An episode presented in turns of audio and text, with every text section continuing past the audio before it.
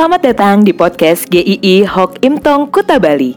Penginjil Ray Reginaldi akan membagikan renungan harian singkat untuk membawa Anda mengenal dan menyembah Tuhan Yesus, bertumbuh dan menjadi murid Kristus, serta berdampak untuk banyak orang. Jika Anda merasa diberkati melalui renungan ini, silahkan bagikan podcast ini agar orang lain juga diberkati. Inilah renungan hari ini.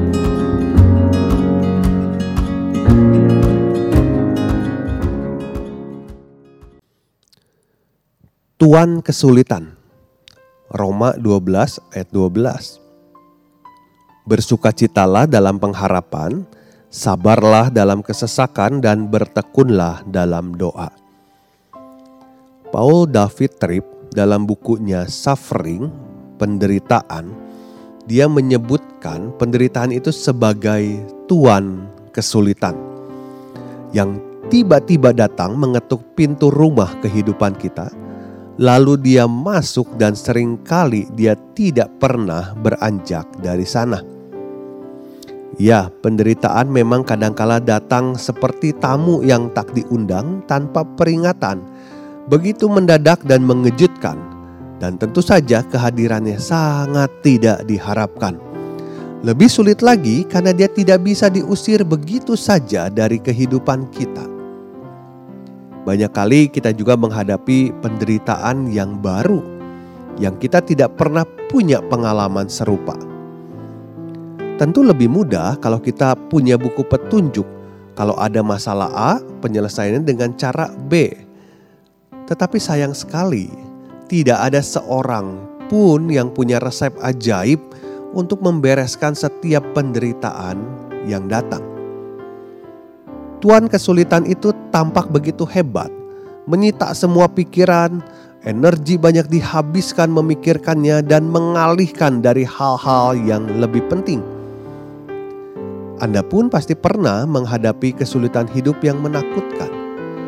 Penderitaan setiap kita mungkin ada kemiripan, tetapi sebetulnya untuk setiap pribadi penderitaan kita itu sangat unik unik karena pelajarannya berbeda-beda kadangkala. Memang kehadiran Tuhan kesulitan itu menyulitkan hidup kita. Tetapi itu bukan akhir dari semuanya.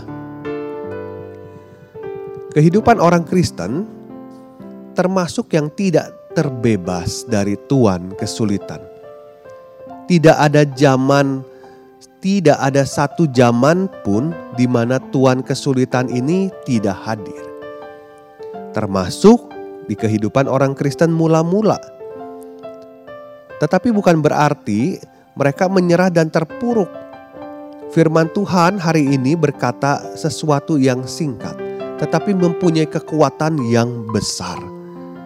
Bersukacitalah dalam pengharapan, sabarlah dalam kesesakan, dan bertekunlah dalam doa kehadiran Tuhan kesulitan itu memang tidak enak. Tetapi bukan berarti kita tidak punya pilihan dalam hidup ini. Kadangkala kehadiran Tuhan kesulitan ini membantu kita untuk memahami hal-hal yang paling penting di dalam kehidupan kita. Hidup orang percaya selalu memiliki pengharapan. Jelas ini adalah pengharapan di dalam Tuhan Yesus. Kemudian sabarlah dalam kesesakan. Sabar berarti ada batas waktunya di mana kesesakan ini akan selesai. Entah itu kita bisa mengalaminya ketika masih hidup di dalam dunia ini atau kepastiannya adalah bahwa satu hari nanti semua kesesakan berakhir ketika orang percaya ada bersama-sama dengan Tuhan hidup tanpa kesesakan. Kemudian bertekunlah dalam doa kita tidak pernah kehilangan koneksi dengan Bapa di tengah-tengah penderitaan yang hebat. Tuhan tidak pernah memutuskan komunikasinya dengan kita. Justru di dalam masa-masa terberat Anda bisa melihat kembali betapa kasihnya Bapa kepada anak-anaknya. Dia siap mendengar Anda kapan saja. Dia memberi telinganya untuk mendengar setiap keluh kesah Anda, ketidakberdayaan Anda, bahkan jeritan ketakutan Anda. Artinya, dia tidak pernah meninggalkan Anda. Tidak pernah. Paul David Tripp mengalami gagal ginjal yang akut yang merembet ke bagian tubuh yang lain. Dia harus menjalani cuci darah. Dalam jangka waktu dua tahun dia harus menjalankan enam kali operasi. Hidupnya tidak sama dengan dulu dan dia merindukan saat-saat itu. Tetapi dia berkata begini, Tentu ada saat-saat ketika saya menjadi lelah dan berharap Tuhan kesulitan pergi. Berharap penderitaan itu pergi meninggalkan saya. Namun saya tidak putus asa. Saya tahu saya tidak diabaikan atau ditinggalkan. Karena jauh sebelum Tuhan kesulitan memasuki pintu saya.